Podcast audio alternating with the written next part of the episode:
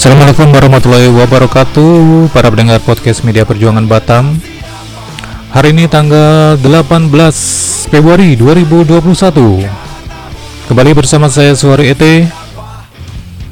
Menemani istirahat Anda Dengan berbagai macam informasi Yang terupdate ya Seputar tenaga kerja, perburuan maupun tentang isu-isu terkini tentang dunia kerja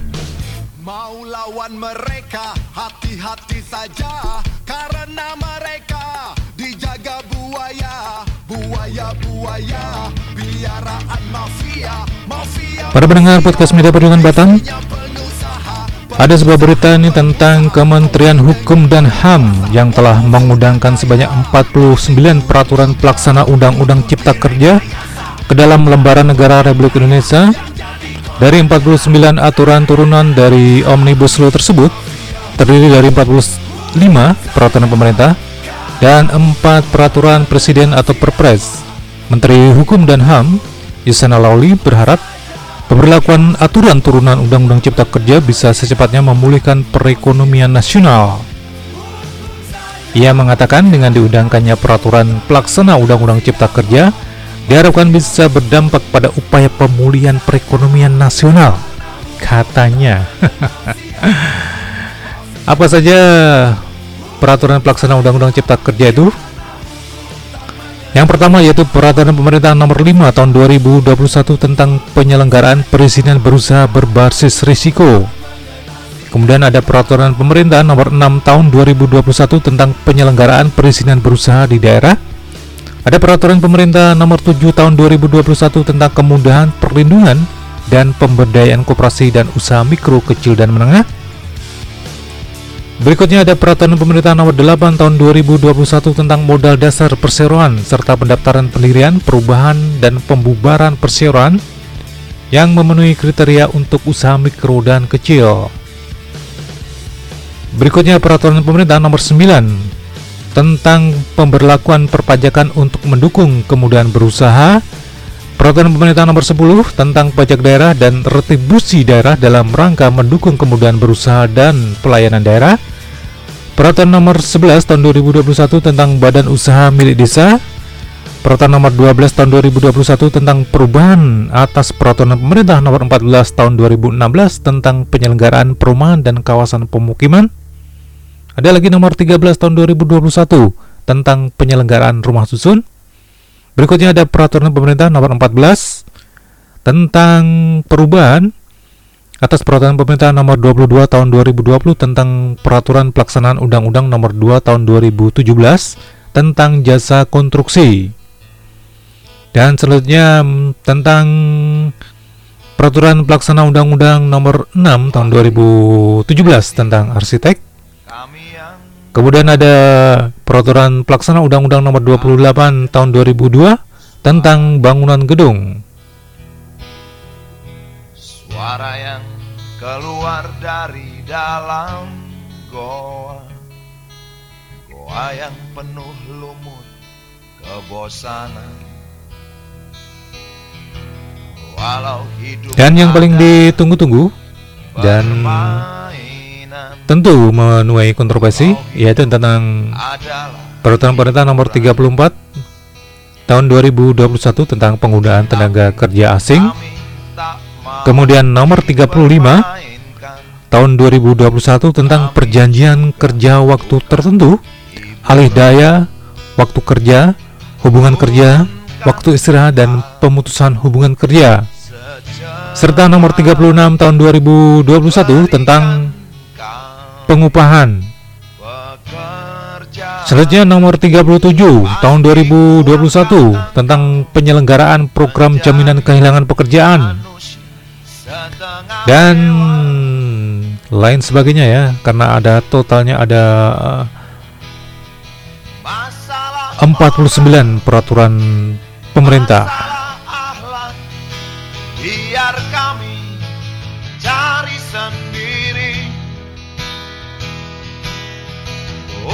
saja moralmu Urus saja ahlakmu Peraturan yang sehat yang kami mau tegakkan hukum. Setegak-tegaknya adil dan tegas. Tak pandang bulu pasti kuangkat engkau menjadi manusia setengah dewa Dan para pendengar podcast Media Perjuangan Batam, sebelumnya dalam rancangan peraturan pemerintah tentang perjanjian kerja waktu tertentu, alih daya, waktu kerja dan istirahat serta PHK mengatur beberapa kondisi pekerja yang mengalami PHK tidak mendapat pesangon sebagaimana sebelumnya telah diatur dalam Undang-Undang Ketenagakerjaan. Secara umum, dalam rancangan peraturan pemerintah tersebut mengatur uang pesangon akan disesuaikan dengan masa kerja dengan nilai minimal sebesar satu bulan upah dan masa kerja kurang dari satu tahun dan maksimal 9 bulan upah untuk masa kerja 8 tahun atau lebih.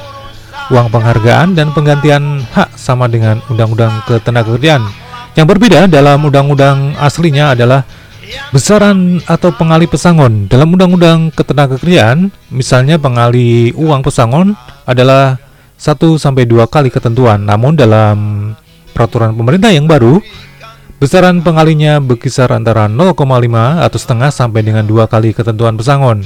Namun dalam 7 situasi tertentu, pekerja yang di PHK hanya berhak mendapat separuh uang pesangon seperti ketentuan yang terdapat dalam pasal 39 ayat 2. Hal ini terjadi ketika pertama ada pengambil alian perusahaan yang mengakibatkan perubahan syarat kerja dan pekerja tidak bersedia melanjutkan hubungan kerja.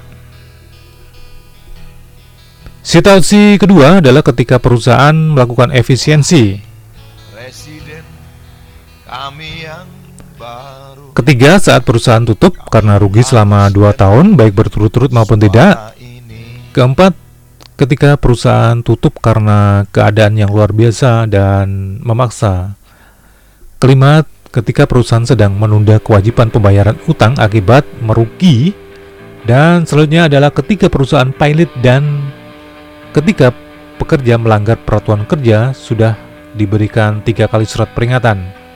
Meskipun terjadi pengurangan komponen, pemberian uang penghargaan masa kerja, dan uang pesangon,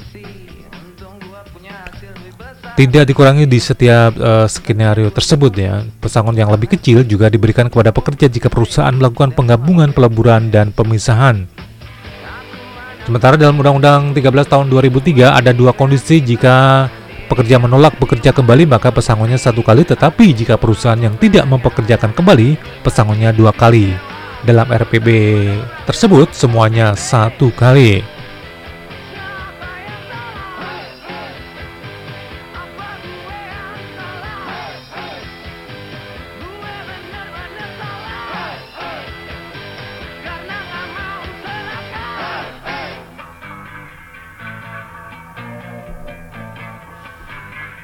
Dan para pendengar podcast media berikut Batam, eh, sebelumnya Presiden KSPI Said Iqbal turut menolak eh, rencana atau rancangan peraturan pemerintah tersebut yang sekarang sudah menjadi peraturan pemerintah. Ia mengaku sedang melakukan judicial review ke Mahkamah Konstitusi terkait Undang-Undang Cipta Kerja, khususnya klaster ketenagakerjaan. Tidak etis bagi pemerintah menerbit- menerbitkan peraturan pemerintah sementara undang-undangnya saja masih digugat ke Mahkamah Konstitusi. Ujarnya dalam beberapa keterangan pers eh, beberapa waktu yang lalu. Meskipun begitu, Presiden KSPI menilai peraturan pemerintah bertentangan dengan Undang-Undang Cipta Kerja sebab dalam Undang-Undang Cipta Kerja yang mengatur tentang pesangon, norma hukum ini menunjukkan nilai pesangon yang diberikan kepada buruh yang terkena PHK dengan alasan apa pun tidak boleh kurang dari yang ditetapkan dalam Undang-Undang Cipta Kerja. Tetapi nyatanya dalam peraturan pemerintah yang disiapkan oleh Menteri Tenaga Kerja terkait justru melanggar sendiri norma hukum yang ada dalam Undang-Undang Cipta Kerja.